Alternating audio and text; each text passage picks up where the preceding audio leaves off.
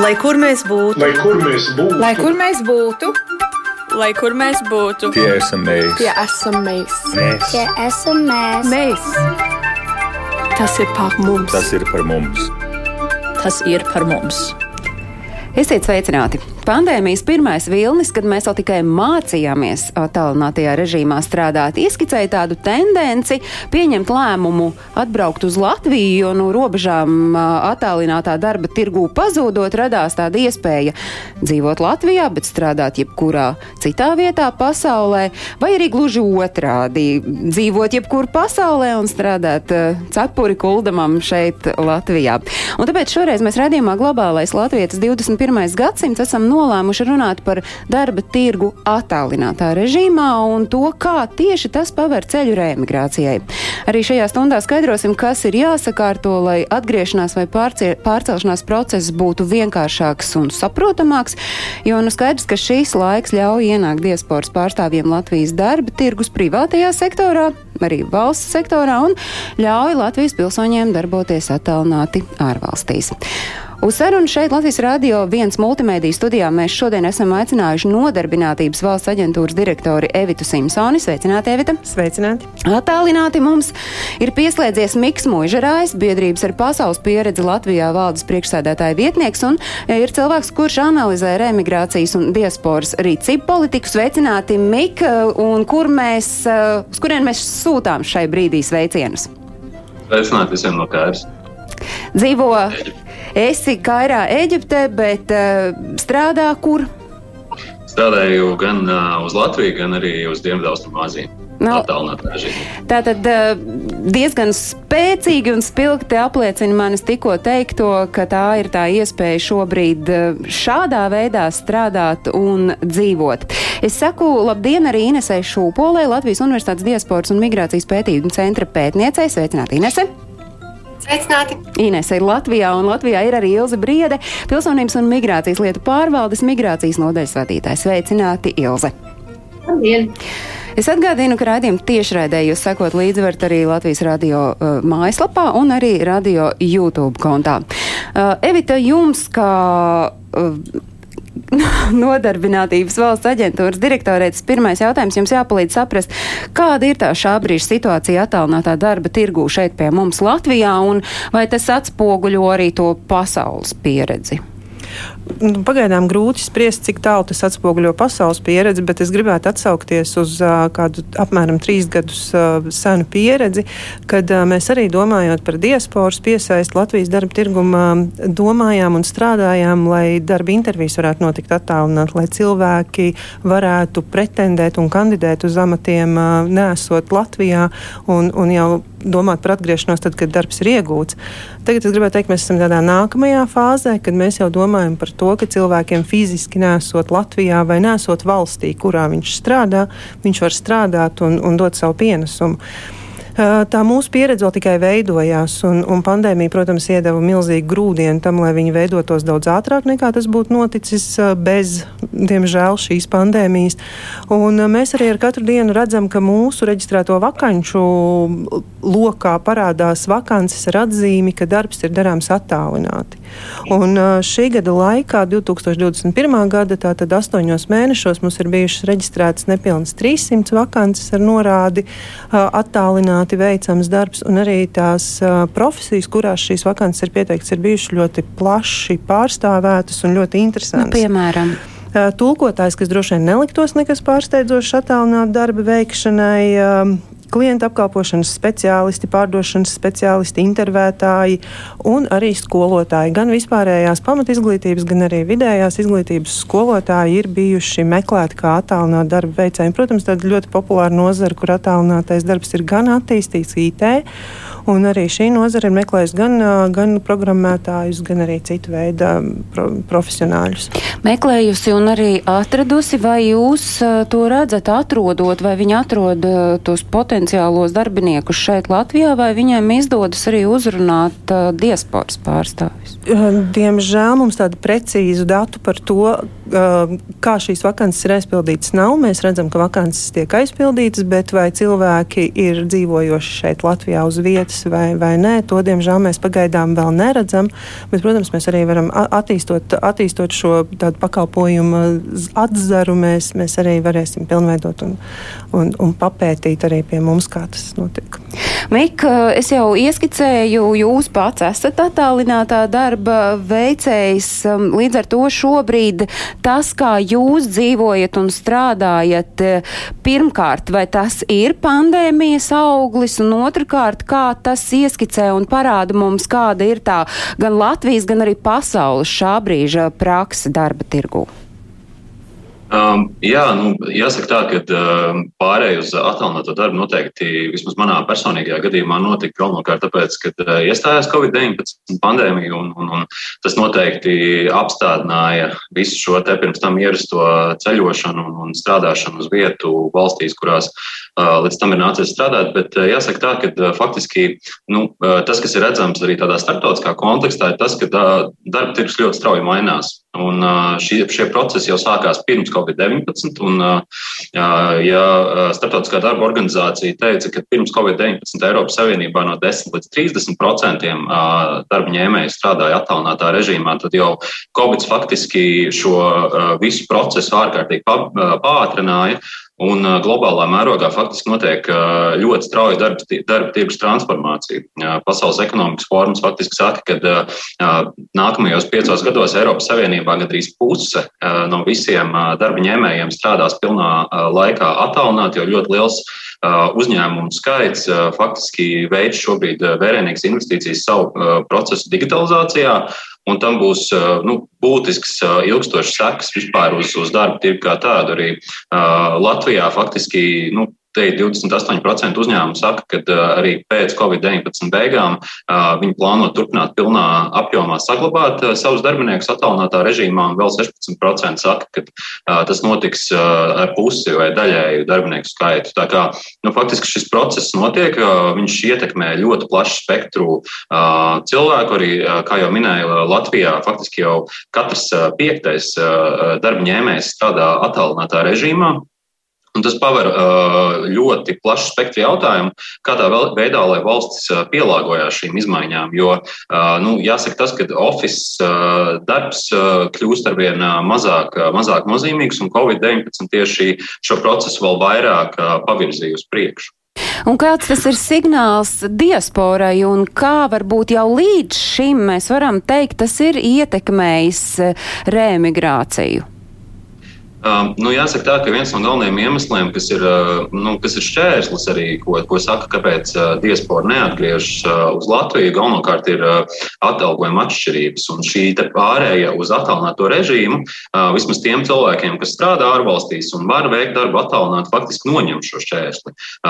Cilvēks var atgriezties uz Latviju, kur varbūt salīdzinājumā ar Rietumu Eiropas valstīm ir nedaudz zemāks atalgojums un turpināt saņemt šo pašu atalgojumu, kamēr izmaksas varētu būt nedaudz lētākas nekā, piemēram, dzīvojot Londonā vai Parīzē vai kādā citā Rietumēropas pilsētā. Kā, tā kā šis ir ārkārtīgi liels potenciāls. Un Latvijā pašai par sevi jau ne tikai izmaksu ziņā ir ļoti liels priekšrocības. Mums ir ātrs internets savienojums, mums ir laba savienojumība ar, ar, ar, ar citām valstīm un vēl daudz citi faktori, kas faktiski Latviju var padarīt par šo te, uh, izvēles vietu attālinātā darba veicējiem. Jautājums gan, vai mēs esam tam gatavi un vai mūsu sistēma ir pielāgota tam, lai Latvijā būtu ērti un vienkārši strādāt attālināti.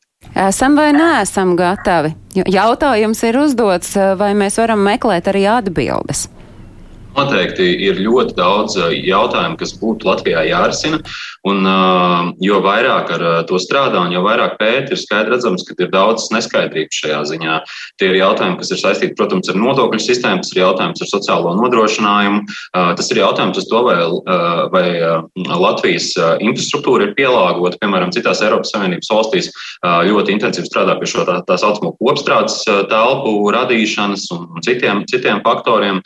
Um, nu, ir vesela virkne ar lietām, kas būtu sakārtojams, lai Latvija būtu šī izvēle izvēles vieta, un lai mēs varētu piesaistīt eh, ne tikai nu, Latvijas diasporu attiecībā uz remigrācijas procesu, bet arī tiem cilvēkiem, kuriem ir objektīvi iemesli, lai paliktu ārvalstīs dzīvot. Eh, tur, piemēram, ir nekustamais īpašums vai kādi citi faktori, kas varbūt eh, neļauj atgriezties Latvijā. Tāpat tās parādās šīs iespējas šos cilvēkus iesaistīt Latvijas darba tirgū. Mēs zinām, to, ka ir 890 tūkstošu Latvijā šobrīd darba ņēmēju. Um, šis faktors, ja Latvija atvieglotu šo attālinātā darba veikšanas procesu, mēs varētu piesaistīt daudz lielāku um, mūsu darbņēmēju skaitu, palielināt šo te, uh, darba tirgus apjomu un tādā veidā veicināt mūsu ekonomisko tālāku attīstību. Tā kā tur ir ļoti plašs uh, spektrs jautājumu, kas jārisina un, un kas palīdzētu arī tautsēmniecības ziņā uh, Latviju būtiski pavirzīt uz priekšu. Nu, par tiem risināmajiem darbiem mēs šī raidījuma laikā noteikti runāsim saistībā arī ar Diasporas konsultatīvo padomu, kurā jūs, Mik, darbojaties, bet šobrīd es gribu iesaistīt mūsu sarunā Ines Šūpolu, Latvijas Universitātes Diasporas un migrācijas pētījuma centra pētnieci, jo jūs šobrīd strādājat pie jauna pētījuma tieši saistībā ar mūsu šodienas tematiku. Kāda ir šī pētījuma būtība un cik tālu esat tikuši un droši vien, kad tad būs tie pētījuma rezultāti un kas tad ir tas, par ko mēs jau šodien varam runāt? Jā, paldies par to vārdu. Tātad tas pētījums, pie, mēs, pie kura mēs strādājam, ir ārlietu ministrijas iniciēts pētījums par attālināto darbu, kā iespēju sadarboties ar diasporu un attīstīt šīs saites. Un uh, pētījums, varētu teikt, ir paveikts divas trešdaļas no pētījuma, no dažādu posmu. Tieši šobrīd notiek uh, aptauja, kur uh, Diasporas migrācijas centrs viņa mājaslapā un dažādos citādos veidos tiek uzaicināti Facebook lapā un tam līdzīgi. Tie, kas strādā attālināti, arī atbildēt uz jautājumiem, kas mums arī palīdzēs un sniegs vairāk informācijas. Bet nu, šim pētījumam ir vairāki posmi, un daži jau ir noslēgušies, un par tiem es varu arī pastāstīt. Proti, mums bija arī padziļinātās intervijas, kur mēs mēģinājām tā, no, nu, saprast tos dzīves gājumus, dažādās situācijas, dažādos modeļus, darba attiecību, kādi veidojas divām grupām. Proti, mēs skatījāmies uz remigrantiem, tiem, kas ir atgriežušies Latvijā un strādā attālināt uz ārzemēm Un otra grupa ir uh, emigranti, tie, kas dzīvo ārzemēs, bet strādā Latvijā. Un kādas tad ir iemesli, kāpēc viņi izvēlējušies šādus darba modeļus, kas ir priekšrocības un kas ir trūkumi. Un, ja varbūt uzreiz par tiem secinājumiem, ko uh, sniedza šīs intervijas, es gribētu uh, iz, iz, iz, nu, izdalīt no pētījuma četras tādas tēmas, par kurām, kuras man liekas būtiskākās, kuras šeit pieminēt. Proti, uh, Pirmā lieta ir nepieciešama darba devēja uzticēšanās saviem darbiniekiem, lai attīstītu šo attālināto darbu. Un tieši par darba devējiem Latvijā ir diezgan daudz vēl arī tādas kritiskas piezīmes, ka pagaidām nu, ne visi darba devēji ir atvērti tam un gatavi uzticēties darbiniekiem attālinātajā darbā. Tas ir tas, kas ir procesā, kur ir kā, daudz kam jānotiek. Otra lieta attiecībā uz darba devējiem Ja notiek šāds attālinātais darba process kolektīvā, tad noteikti darba devējiem ir īpaši jādomā un jāstrādā pie tādas lietas, kā nu, tādas koleģiālās, profesionālās komunikācijas veicināšanas un uzlabošanas, kas no šobrīd, teiksim, Covid-19 tādas spriedzes situācijā varbūt ir daudz vietu nav bijis uzmanības centrā, un tas veicina to, ka attālinātā darba veicēji jūtas izolēti, nošķirti no darba kolektīva, dažbrīd jūtas izkrituši no informācijas aprites. Un tas noteikti no tādas darba devēja perspektīvas ir tas, par ko būtu jādomā, kā šo te, nu, komunikāciju, profesionālo komunikāciju uzturēt, veicināt visdažādākajos veidos. Tad atsevišķa tēma ir, ko jau Miks arī pieminēja, ir šie te, nu, dažādie juridiskie statusi, kas saistīti ar attālināto darbu, jo attālinātais darbs pats par sevi nenosaka juridiskās attiecības. Tas katrā gadījumā ir nu, pilnīgi atšķirīgs jautājums, kādas, kāds juridisko attiecību modelis ir izvēlēts.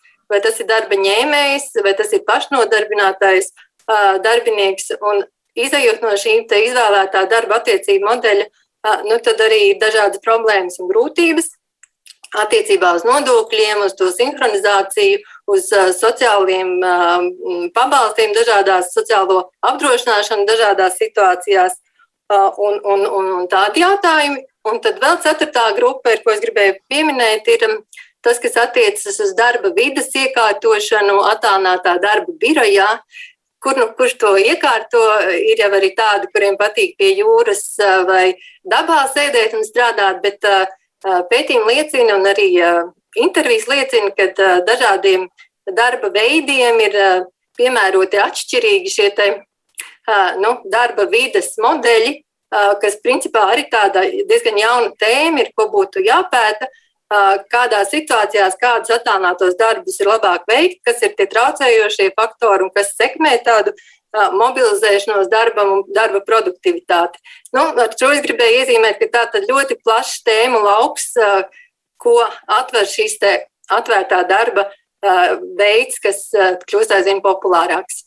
Bet runājot par to, ko jūs ieskicējāt, šie, nu, šie četri tādi tie lielie punkti, vai tie krasi atšķiras, ja runā par to grupu, kas uh, dzīvo Latvijā, strādā uz ārzemēm, un savukārt, ja runā par tiem, kuri dzīvo ārzemēs un strādā šeit uz Latviju. Es nezinu, man nepatīk, kā es saku uz Latviju, bet laikam, ka tas būs labākais, kā es varu to noformulēt. Tas ļoti, ļoti ir atšķirīgs no katras konkrētās situācijas, konkrētā darba devēja, konkrētajām attiecībām. Bet tas, ko es gribētu uzsvērt, ko ļoti pozitīvi novērtē tie latvieši, kas dzīvo emigrācijā, bet strādā Latvijai un atbilstoši tā tad slēdz līgums ar Latvijas darba devējiem, ļoti pozitīvi tiek vērtēta tāda lieta Latvijā kā e-paraksts. Un tas ir tas, ko uzsver, kas pietrūkst tādā, nu, es teiktu, globālā mērogā, bet nu, kā minimums Eiropas Savienības mērogā būtu nepieciešama šī kaut kāda izstrādāta platforma. Ja mēs, piemēram, līdzībās runājam, ir šis vakcinācijas certifikāts, kas ir eh, visai Eiropas Savienībai vienota tāda pieeja, tad līdzīgi kā ir e-paraksts Latvijā, šāds uh, rīks būtu ļoti vēlams un nepieciešams no darba ņēmējiem, uh, noskatoties vismaz Eiropas Savienības līmenī. Tas ir tas no viens no jautājumiem, kas varētu būt risināmais. Jo Patiesi, ja strādā, ja dzīvo ārzemēs un strādā Latvijai, ir ļoti ērti, ka visi e, formālie juridiskie dokumenti, līgumi, pieņemšanas, nodošanas akti un tam līdzīgi ir ērti parakstām ar e-parakstu. Nu šķiet, ka vispār e-parakstu uh, Covid laiks, nu tā nepieciešamība ir ļoti spilgti ieskicējis. Tad, uh, principā, jūs arī savā pētījumā, nu veicot šo pētījumu, droši varat teikt, ka tas, ko mēs jau vairāk kārt pieminējām redzējumu gaitā, ka Covid-19 ir tas, kas ir bijis tāds grūdienis, lai uh, ne tikai mēs strādātu attālināt, bet arī sāktu runāt un risināt visus tos sprunguļus, kas tiek likti tajā attālinātā darba ritenī. Taisnība, Ines, vai ne? Jā, noteikti. To atzīst arī tie, kas strādāja attālināti pirms tam, ka tagad beidzot uh, darba devēji un kolēģi viņus daudz labāk saprot un atbalsta tajā situācijā, ka viņi strādā attālināti un izpratni ir daudz lielāka un labāka saistībā ar attālināto darbu. Tas noteikti ir pieaudzis. Bet, ja mums ir jārunā par, par to attālinātā darba veicējiem, kura grupa ir kuplāk pārstāvēta? Tie, kuri ir Latvijā un strādā ārzemēs, vai tie, kuri ir ārzemēs, bet strādā Latvijā? Baidos, ka precīzi statistikas nav, bet um, no tādas empiriskās socioloģijas viedokļa mums pilnīgi viennozīmīgi bija daudz vieglāk atrast uh, tos latviešus, kas ir atgriezušies uh, no emigrācijas un strādā uz ārzemēm. Tādi, tādi cilvēki un viņa atsaucība pētījumā bija ievērojami lielāka un ļoti daudz vieglāka un vieglāk atrodama. No tā es arī secinu, ka tomēr šī grupa visticamāk ir uh, kopumā lielāka. Vai ir um, zināmi nu, kaut kādas aplēses diasporas konsultatīvajai padomē, Mika? Jā, nu šis ir ļoti sarežģīti nosakāms jautājums, jo faktiski nu, tas, ko mēs redzam, ir, ka darba migrācija sāk kļūt digitāla. Ja kādreiz cilvēki tiešām fiziski pārvietojās uz kaut kādu konkrētu vietu, tad tagad darba meklējumos mēs varam doties, kā saka, uz ārvalstīm, emigrēt caur, caur, caur mājās, caur savu datoru. Un līdz ar to ir ļoti grūti tiešām redzēt, cik liels ir šis skaits. Mēs ceram arī, ka šajā te, pētījumā atspoguļosies šīs nianses, tiešām ļoti grūti atrast šo statistiku, lai saprastu, cik liels ir šis apjoms. Arī no tādām empiras nu, interesē, cik, ir biju, cik ir bijusi iespēja piedalīties dažādos webināros par šo jautājumu attiecībā ar dažādām valsts iestādēm. Ir ārkārtīgi liels cilvēku skaits, kuriem ir neskaidrības par veselu virkni jautājumu, un, un, un tas tikai parāda to, ka šis ir ārkārtīgi aktuāls jautājums šobrīd. Ir sevišķi, piemēram, runā par to, kādā veidā pārnest savas sociālās garantijas, piemēram, uz Latviju, tur piedaloties atsevišķā jautājumā. Šobrīd ir plašs spektrs, plašs spektrs ar jautājumiem, kas tika jautāts no cilvēkiem, kas ir atgriežušies, un, ne, un viņiem nav šī sociālā aizsardzība Latvijā, kādā veidā, lai viņi iegūtu šo. Tā kā mēs ceram, ka šī pētījuma laikā tiešām atspoguļosies un parādīsies vairāk informācija par kādu uh, potenciālu cilvēku skaitu mēs varētu runāt. Bet uh, šeit gribēju mazliet pieminēt arī to, to potenciālu, kas, kas, kas, kas šeit ir. Uh, nesen tika noskaidrots arī tas, ka Latvijā faktiski diasporā šobrīd dzīvo uh, līdz pat pusmiljonu miljonam Latvijas valsts piedrīgo. Ja mē, un attālinātajā darbā pārsvarā ir nodarbināta augstu kvalificētais darbspēks, protams, attīstoties tehnoloģijām, tas pārējais arī uz citām nozarēm, kur un, un sakārtot šo sistēmu tieši šo augstu kvalificētā darbspēka remigrāciju būtu iespējams vienlaicīgi arī veicināt. Bet, diemžēl, nu, tāda konkrēta skaitļa attiecībā uz to, par kādu konkrētu skaitu mēs runājam, nav, cik man zinām, 19. gadā, ja nemaldos, 15% no mūsu diasporas strādā attālināti uzņēmumos ne tikai Latvijā, bet arī ārpus Latvijas. Un kaut kādiem 7% ir kaut, kādas, kaut kāda saistība ar Latviju, vai viņi strādā Latvijas uzņēmumos, vai, vai arī viņiem pieder daļas uzņēmumos Latvijā. Tā kā nu, šis skaits ir potenciāli liels, ja mēs runājam, ka 500 tūkstoši dzīvo vai pusmiljons dzīvo ārvalstīs, un ja mēs runājam par 15% no tiem, tas tiešām ir ārkārtīgi liels skaits, ko mēs varētu potenciāli mēģināt, mēģināt saka, pievilināt, eh, pievilināt darbam Latvijā. Bet šobrīd runājot par tām problēmām, kas būtu jārisina, lai mēs varētu veiksmīgāk attīstīt attālināto darbu, arī to starp eh, piesaistīt ne tikai diasporas speciālistus, bet um, principā speciālistus no visas pasaules, ir jāsaprot, um, nu, vai vispār šis attālinātais darbs ir definēts Piemēram, ja mēs skatāmies uz Latvijas uh, imigrācijas sistēmu, te ir droši vien pilsonības un migrācijas lietu pārvaldēji jautājums, un uh, šobrīd uh, pilsonības un migrācijas lietu pārvaldu pārstāv migrācijas notais vadītāja Ilze Briede. Ilze, tam ir šobrīd uh, definīcija? Uh, šobrīd uh, definīcijas nav. Uh, imigrācijas likums uh, absolūti nekādā veidā neiejaucas uh, attālinātā darba veikšanā, tā konceptā. Līdz ar to, ja mēs runājam par abām šīm pusēm, ja mums ir, teiksim, Latvijas pilsonis, kurš vai ārvalsts pilsonis, kurš dzīvo Latvijā un vēlas attālināt strādāt citā valstī, tad viņš to brīvi var darīt. Viņam nav jāsaņem nekādas atļaujas no pilsonības migrācijas lietu pārvaldes vai pat jāinformē pilsonības migrācijas lietu pārvalde. Un otrādi, ja ir Latvijā reģistrēts darba devējs, un viņš vēlas attālināti nodarbināt kādas citas valsts pilsoni, arī viņam nav jāveic nekādas procedūras pilsonības un migrācijas lietu pārvaldē. Viņš ir brīvi šo cilvēku nodarbināt, tā teikt, viņš ir brīvs no jebkuras imigrācijas procedūras. Tas ir tas, kā, kā šobrīd tas tiek regulēts. Nu kā, un Miks uzreiz ceļ roku un saka, ka ir ko teikt par to, ka teikt, tas jau ir izklausās sasodīti vienkārši. Visi dara tā, kā viņiem ienāk prātā, bet patiesībā, ko rāda bet realitāte. Tas būtu lieliski, tas būtu lieliski, ja tas tā būtu, bet uh, es saprotu, ka, piemēram, šeit ir tiešām jautājums ar Latvijas valsts piedrīgiem. Tā ir viena puse. Bet uh, Latvija uz diasporu skatās plašāk. Tie ir ne tikai uh, Latvijas valsts piedrīgie, bet tie ir arī viņu ģimenes locekļi, ir uh, cilvēki, ar kuriem nav noslēgts iespējams laulības, vis arī vienlaicīgi remigrē. Mēs redzējām 16. gadā, kad tika uh, veikta uh, vērienīga aptauja ar, ar emigrantiem, kad faktiski viens no galvenajiem iemesliem, kāpēc cilvēki atkārtot dodas projām no Latvijas, ir tas, ka viņu otrā puse nav spējīga Latvijā integrēties, nav spējīga Latvijā atrast darbu vai uzturēšanās iemeslu, respektīvi šai otrai pusē ir kaut kādi, kaut kādi izaicinājumi atrodoties Latvijā. Un šeit noteikti ir izceļams šis te imigrācijas aspekts, kurā faktiski ja, personas nav noslēgušas savstarpēju laulību, bet viņi atgriežas atpakaļ uz Latviju, var gadīties problēmas šai otrai pusē šai otrai pusē faktiski atrast iemeslus, kur pamata uzturēties Latvijā, ja viņi ir no trešās valsts, kas nav Eiropas Savienības dalība valsts. Šis ir viens faktors. Šeit Eiropas Savienības ietvaros ir 11 valstis, kas ir izstrādājušas tā saucamo attālinātā darba vīzu, kurās, kurā faktiski dod iespējas attālinātā darba veicējiem uz noteiktu periodu uzturēties šajās valstīs. Protams, mēs varam uz šo jautājumu skatīties no tādas diasporas politikas perspektīvas, bet, protams, ja skatās uz tādu plašāku Latvijas darba tirgus situāciju, nu, skaidrs, ka ir veseli mūsu darba spēks, kā saka, samazinās dažādu iemeslu dēļ.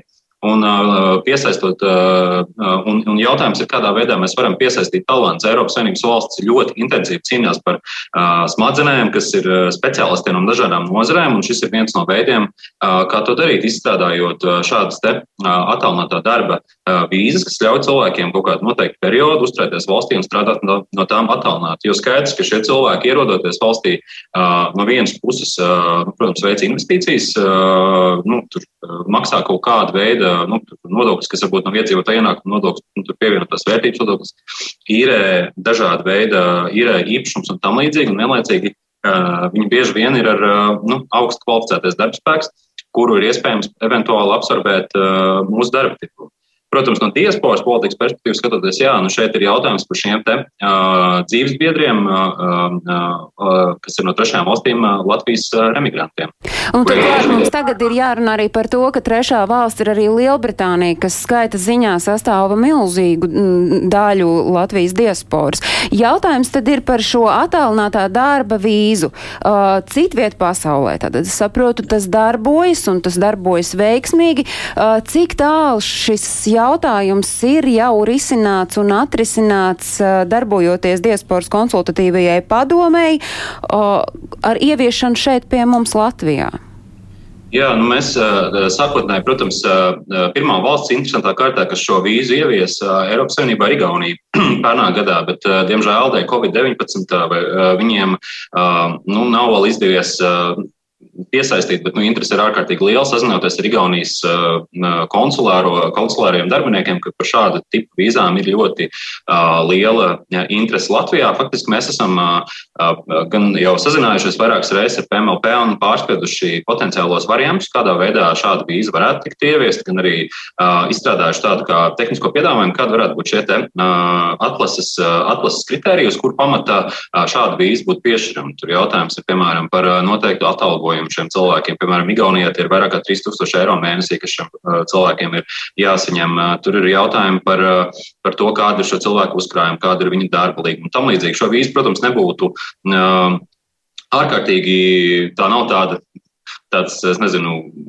dokuments, ko varētu dalīt pa labi, pa kreisi, bet tas ir jautājums tiešām, ja cilvēks ir augsts kvalificētais darbspēks un viņam, viņš to var pierādīt, tad, un ja viņam ir sevišķi saistība ar Latvijas kādu valstu piedarīgo, uh, Nu, tas būtu veids, kādā, kādā veidā arī šis Latvijas valsts piedrīgais no Latvijas izvēlētos neaizbraukt. Tā kā nu, mēs esam izstrādājuši tehnisku piedāvājumu, par šo tehnisko piedāvājumu šobrīd notiek ļoti intensīvas sarunas dažādos līmeņos ar to, kas būtu jāmaina, kas, kas būtu papildināms, lai beig beigās nu, šāda te, šāds vīzes status varētu Latvijai nest iespējas lielāku ekonomisko pienesumu. Pilsonības un migrācijas lietu pārvaldes redzējums uz šādu, tā viņu arī dēvētu attālinātā darba vīza, vai tomēr tas nosaukums varētu būt cits vēl? Tas varētu tikt dēvēts vienkārši par ilgtermiņa vīzu, attālinātā darba veikšanai. Projektu mēs esam izstrādājuši, un šobrīd iekšlietu ministrijas pārējās struktūra vienības juridiskais departaments to vērtē, vai tas ir pietiekami tiesiski labi izstrādāts, vai tur nepieciešams kaut ko vēl papildināt. Ļoti iespējams, ka septembrī mēs nosūtīsim šo projektu atzinumu sniegšanai citām iesaistītajām ministrijām, lai katrs varētu izteikt par to viedokli. Bet, principā, jūs arī no pilsonības un migrācijas lietu pārvaldes skatu punktu raugot, redzat, ka tas palīdzētu sakārtot vienu konkrētu jomu šeit pie mums Latvijā, kas ir saistīta ar attālinātā darba veikšanu. Jā un nē. Uh, kāpēc mēs, jā, kāpēc nē? Mēs aptaujājām visas Eiropas Savienības dalību valstis, tiešām vēloties uzzināt no saviem kolēģiem, nepastarpināt šo pieredzi ar šādu veidu vīzām. Un tad īstenībā bija tikai divas valstis, Horvātija un Igaunija, kas atzinās, ka viņiem ir šādas vīzes, un dažas valstis teica, jā, ka viņiem ir apsvērumi, ka viņi vēlas ieviest. Ir citas valstis, kurās ir tāda, nu, teiksim, kā kvazi režīmi, ja, kas uh, ir it kā kaut ko ieviesuši, bet tomēr tas ir mm, vairāk saistīts ar uh, kaut kādu pakalpojumu sniegšanu vairāk šīs uh, valsts uh, vietējā tirgu. Un, kā jau Miks iepriekš teica, šis periods ir tik nelabvēlīgs, lai mēs varētu nu, izdarīt kaut kādus secinājumus par, par to, cik kā, un kāds, kāds pienesums tiek dots tautsēmniecībai, ieviešot šādu vīzu. Uh, Uh, nu, līdz ar to mēs, uh, jā, projekts ir izstrādāts. Uh, mums ir bažas, ka tas, protams, ļoti, ļoti nelielā mērā risinās tieši šo diasporas problēmu, kas tiek akcentēta, jo, mm, nu, es to salīdzinātu apmēram ar tādu risinājumu, kā, nezinu, vai man piedod medicīnas darbinieki, kas klausās, es aizēju pie ārsta, saku, man sāp vēders un es dabūnu precābu tableti, ja, nevis izmeklēšanu un uh, konstatēšanu, ka man ir aklās zemes piedēkļa iekaisums. Tas ir īslaicīgs risinājums, jo tā ir vīza uz vienu gadu. Un, ja cilvēki tiešām vēlas pārcelties uz dzīvi Latvijā, tad šī vīza kas viņiem nedod tiesības tur pilnvērtīgi iekļauties darba tirgu nedod tiesības ne uz kādu sociālo palīdzību. Nu, tas ir tiešām īslaicīgs risinājums. Un, un ja mēs runājam par šiem partneriem, vienkārši kopdzīves partneriem, kuriem teorētiski ir iespēja noslēgt laulību, varbūt tādā veidā šim trešās valsts pilsoņiem saņemt uzturēšanās atļauju, tad, diemžēl, vienzimumu partneru gadījumā tas nu, nerisina gandrīz neko. Tur optimāls risinājums būtu tikai, tikai grozījumi civil likumā, kas atzītu arī šādas ģimenes par, par līdzvērtīgām, kas, kur laulātie var saņemt uzturēšanās atļaujas Latvijā. Ines, jums no pētnieces uh, skata punkta raugot, kā jums šķiet, vai šāda uh, attālinātā darba vīza, kas ir īslaicīga, vai tā varētu būt kā risinājums, jau zinot, ko jums ir atbildējuši cilvēki, ar kuriem jūs esat par šo tematu runājuši? Jā, es domāju, ka noteiktās situācijās noteikti tas ir izmantojams, jo uh, tas ir no viens no tiem iemesliem arī, kāpēc tas attālinātais darbs tiek izvēlēts lai varētu fleksibli pārvietoties no vienas vietas uz otru vietu. Tas parasti ir saistīts ar to, ka ir partneri, partneri attiecības no, no dažādām valstīm. Respektīvi, ka, ka var vienu kādu laiku padzīvot vienā valstī un kādu laiku otrā valstī. Cik es saprotu, šobrīd tas tiek vairāk risināts tā kā. Nu, skatoties uz nu, tieši izmantojot šo attālinātā darba iespēju un ar turismu vīzu, faktiski izmantošanu, bet tas, nu, teiksim, attālinātā darba vīza sakārtotu labāk šīs attiecības. Tas pats attiecas, piemēram, arī nu, uz virkni jautājumiem, ka tas ir tāds, tas būtu tāds sakārtojošs mehānisms, kas tagad vienkārši ir tāds neregulēta, neskaidra situācija. Nu, tāpēc, ka mēs šādā situācijā patiesībā ļoti neilgu laiku atrodamies. Savukārt jums nodarbinātības valsts aģentūrā šķiet, ka tas uh, ir solis uz priekšu, lai sakārtot šo attālinātā darba vidi, ja mēs runājam par šo iespēju, ka vīzas ir attālinātā darba veicējiem. Jā, noteikti tas ir aktuāli. Kā jau, jau vairāk kārt tika pieminēts šīm ģimenēm, kur viens no partneriem ir trešvalstnieks, un, un tā, līdz ar to rodas uh, daudz grūtību un apgrūtinājumu, lai varētu būt šeit Latvijā kopā. Un, un noteikti tas, tas tādā veidā palīdzētu. Bet, uh, bet kopumā, jā, nu, attālinātais darbs noteikti attīstās, un, un jo tas ir labāk noregulēts un visiem saprotamāki spēles nosacījumi, jo protams, tas ir labāk. Runājot par eh, diasporas konsultatīvās padomas darba grupas mērķiem, eh, kādi tie ir, vai Mika varat jūs ieskicēt, eh, kādi, kādi ir tie soļi, kurus jūs sperat un kas ir tas, kur, kurp jūs gribat aiziet? Jā, nu šis imigrācijas jautājums, protams, ir tikai, tikai viens, viens no jautājumiem. Es arī es, es papildinot, arī, nu, protams, ka šī situācija attīstās, un, un, un mēs, mums ir jāskatās, varbūt vairāk, manā ieskatā, uz to, to kāda, kā, uz kurien vispār iet darba tirgus un kāds potenciāli, un jābūt gatavam šai rītdienas, rītdienas darba tirgumam, varbūt, un, un, un, un tam jāgatavojas. Bet attiecībā uz šiem galvenajiem mērķiem, nu, tas primārais, protams, ir, un ar ko mēs arī ar Nodarbinātības valsts aģentūru ļoti cieši esam darbojušies, ir palielināt vispār Latvijas darba tirgu šo te attālinātā darba veicēju skaitu. Un šeit ir jautājums par to, kā šīs darba vietas pirmām kārtām atrast, kādā veidā viņās iekārtoties.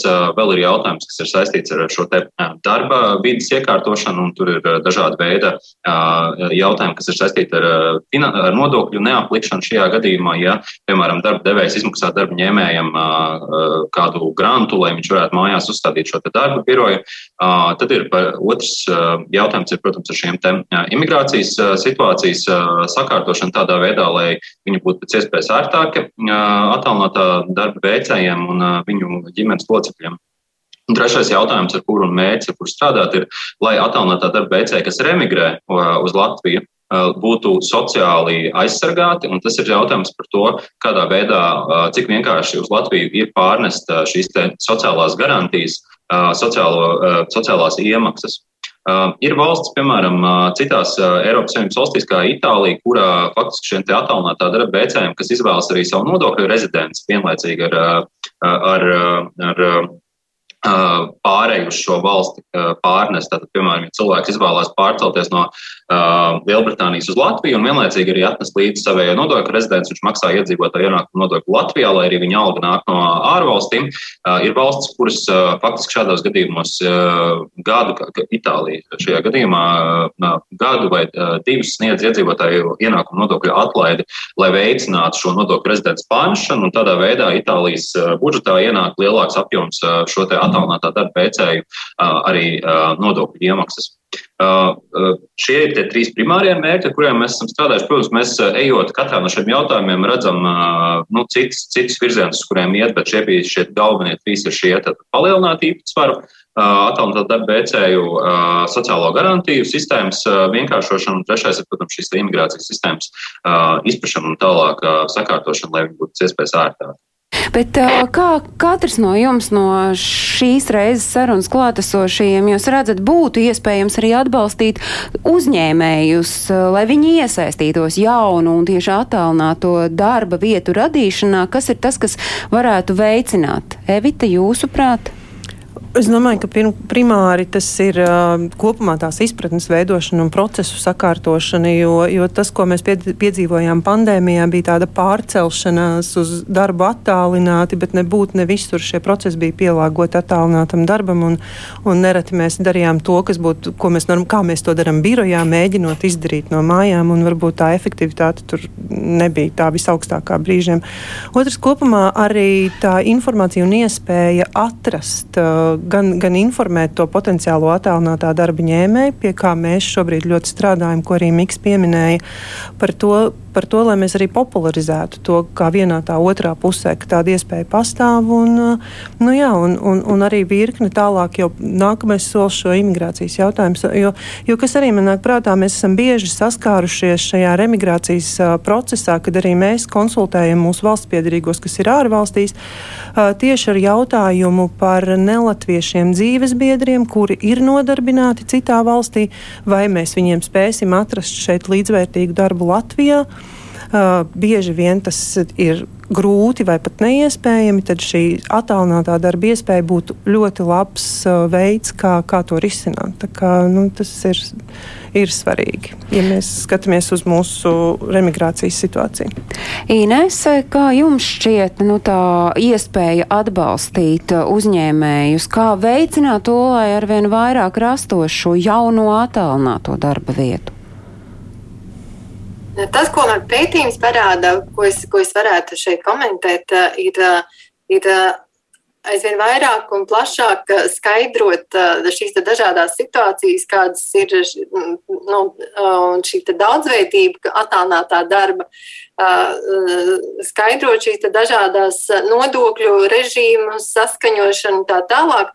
Ja skatās tādā globālā mērogā, tad tas tiešām ir nu, joprojām valstu uzdevums sinhronizēt tās pieejas. Es domāju, ka tie ir lieli izaicinājumi valstu starpā vienoties par līdzīgām, lai nav katrai, katrai tikai tie divpusēji risinājumi, bet ir aizvien vairāk kaut kādas tādas nu, bloka pieejas vai kaut kādas Eiropas Savienībai salīdzināmas pieejas vienādotas. Ir, ir arī dažas labas lietas, noteikti var uzsvērt to, ka, piemēram, ir Latvijā ir šī pieeja par to, ka netiek nodokļi dubultā aplikti. Tas jau ir liels sasniegums, bet ir ļoti daudz, kas vēl darāms tādā instrumentālā līmenī valsts ieņēmuma dienestam skaidrojot šīs dažādas situācijas, veidojot dažādas vieglus, pārskatāmus, uztveramus materiālus, jo tas ir tas, par ko visvairāk sūdzās, ka nevar saprast, ka tie, tie informatīvie materiāli, kas ir sagatavoti, ir, ir ļoti sarežģīti. Nu, tas ir tas, kas mums vēl ir jāmācās, kā, kā vieglāk pasniegt šo informāciju, lai gan darba ņēmēji, gan darba devēji var saprast. Jo, piemēram, intervijās vairāk kārt izskanēja tieši Vācijas darba devēji ir Nu, viņu risinājums, piemēram, šādam attālinātam darbiniekam no Latvijas, ir izmantot starpnieku firmas pakalpojumus. Bet, lai izveidotu šo te, nu, sadarbību ar starpnieku firmu, dibinātu firmu Latvijā, Nu, tas ir diezgan sākotnēji dārgs pasākums. Respektīvi, tur tiek investēti pāris tūkstoši eiro konsultantiem, lai izveidotu, nu, protams, arī pēc tam, lai uzturētu šādu te, uh, starpnieku firmu, lai tiktu visi nodokļi atbilstoši Latvijas normatīviem regulējumiem samaksāti. Tas nav tik vienkārši. Uh, respektīvi, šādiem risinājumiem, piemēram, ja ir šis starpnieka firmas modelis, ir nepieciešami skaidrojumi un uzlabojumi. Tad vēl, ja runā par, par to, kas būtu tiksim, Latvijas līmenī tiešām darāms, nu, no tādas tās sistēmas sakārtotības viedokļa, un, un, un, un lai tas process, darba process tiktu labāk veicināts, ir patiešām darbs arī pieaugušo izglītības jomā. Proti, es domāju, ka tur ir tas, ir tas ko tiem, kas šajā jomā strādā, izstrādāt materiālus, kursus par to, kā veicināt šo attālināto darbu, kā viņu nu, pareizāk īstenot, lai nebūtu izdegšanas problēmas, lai nebūtu konflikti, ko, ko rada tas, ka šī komunikācija nav pietiekama dažkārt. Nu, un šā, risinātu dažādas šādas situācijas. Tā kā Es nosaucu tikai no dažas no aspektiem, kas mums pētījumā tika pieminēti, bet tādi ir vēl. Līdz ar to tur ir ļoti daudzas tādas instrumentālas, praktiskas lietas, kas mums jāmācās risināt. Ir. Tātad es saprotu, ka darba ir pilnas rokas, bet tas ieguvums pēcāk visticamāk būtu milzīgs. Mika, nu tādus noslēguma vārdus no jūsu punkta raugot, kam vēl būtu jānotiek bez šīs sakārtošanas, vienkāršošanas, atceroties to, ka uh, uz šo attālināto uh, darbinieku iespējams uh, skatās arī kāds uzņēmējs Vācijā, Francijā, Austrālijā vai Ēģiptē. Līdz ar to jautājums, uh, ko mums darīt, lai šo attālināto darba veicēju un arī šo darba vietu būtu gana daudz? Es domāju, ka no vienas puses jau faktiski, um, ja, ja raugās uz, uz to, ka um, samazinās uh, uzņēmējiem uh, izmaksas, uh, algojot attālinātā darba veicēju no tā, ka, piemēram, tā, tīri elementāri nav uh, nepieciešamības pēc tik milzīgām biroja telpām. Uh, nav, uh, tur ir uh, daudz citi šie te, tā saucamie dzinuļi, uh, stimuli, kas, kas uh, virza uz to, ka faktiski šīs attālinātā darba vietas veicās, jo viņas veidojās, jo viņas faktiski ir dažkārt ekonomiski izdevīgākas, parādās ar vien jaunas digitālās tehnoloģijas, uz kuru pamata ir iespējams šīs darba vietas radīt.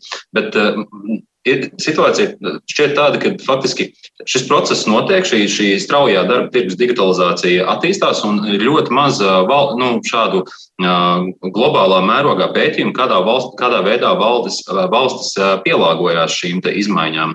Um, šeit noteikti minams, protams, ir šis infrastruktūras jautājums. Ir valsts, kuras, piemēram, strādā ar, ar šo te, kopstrādes vietu radīšanu, tas ir par tīklojuma veicināšanu starp, starp attālinātā darba veicējiem.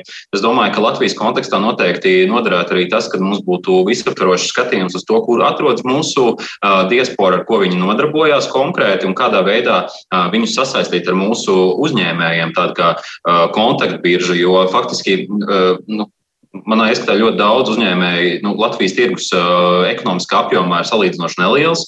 Un uh, skaidrs, ka ļoti daudz uzņēmēju skatās uz ārvalstīm. Un tieši mūsu diaspora, uh, dzīvojot šajās ārvalstīs, ir milzīgs resurss, uh, kas var palīdzēt ar šo uzņēmumu internacionalizāciju un tādā veidā arī ieiešanu starptautiskos tirgos.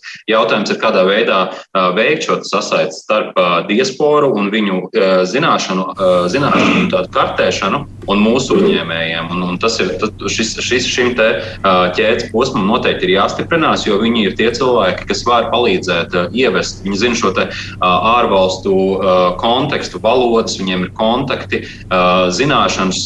Un es arī ļoti piekrītu tam, kas tika minēts par to, ka ir jāiz, jāveido šai izpratnē par šo milzīgo lomu, iesaistot diasporu kaut vai attālinātā režīmā, kā viņi var veicināt dažādu Latvijas uzņēmumu internacionalizāciju. Tā kā Šeit paralēli noteikti nāk vesels lērums jautājumu tieši par infrastruktūru un vēl paralēli arī par šo te kontaktbiržu un zināšanu apzināšanu. Tas ir arī tas, par ko mēs esam runājuši šeit raidījumā, runājot arī ar biedrību SLV. Tā kā darba pilnas rokas ir pilnīgi visiem šai sarunā šodien iesaistītajiem. Es saku paldies Mikam Muižarājam, biedrības ar pasaules pieredzi Latvijā valdes priekšsēdētāja vietniekam. Es saku paldies arī Inesei Šūpolē, Latvijas Universitātes dievs diasporas un migrācijas pētījumu centra pētniecei un Ilzai Briedai no Pilsonības un migrācijas lietu pārvaldes. Un saku paldies arī Ievitai Simpsonai, nodarbinātības valsts aģentūras direktorei par to, ka visi šodien šai stundā bijāt kopā ar mums, ar klausītājiem un arī ar skatītājiem. Es atgādinu, ka visus tos aktuālos notikumus, kas notiek ārpus Latvijas notikumu kalendārā, jūs varat meklēt portālā latviešu.com. Tur arī varat klausīties raidījumu atkārtojumu tieši tāpat, kā jūs to varat varat darīt katru svētdienu uzreiz pēc ziņām trijos. Mēs ar jums skatītāji tiekamies jau pēc nedēļas pirmdienā. Atā!